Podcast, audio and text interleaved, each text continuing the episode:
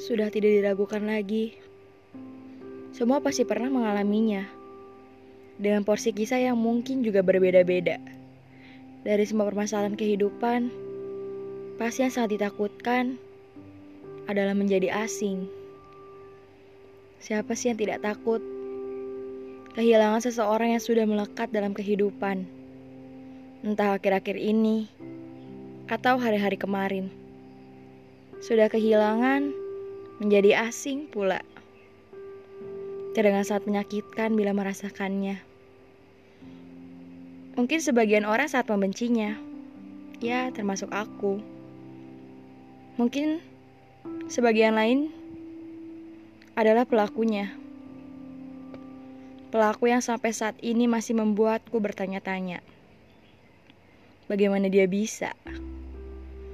Bagaimana dia bisa melakukan hal semenyakitkan itu? Bagaimana dengan semua yang pernah ada? Dengan semua yang dulunya tak biasa, berubah menjadi terbiasa. Apa tidak pernah sedikit pun memikirkan nantinya akan bagaimana? Melakukan hal yang biasa dilakukan bersama tidak lagi ada.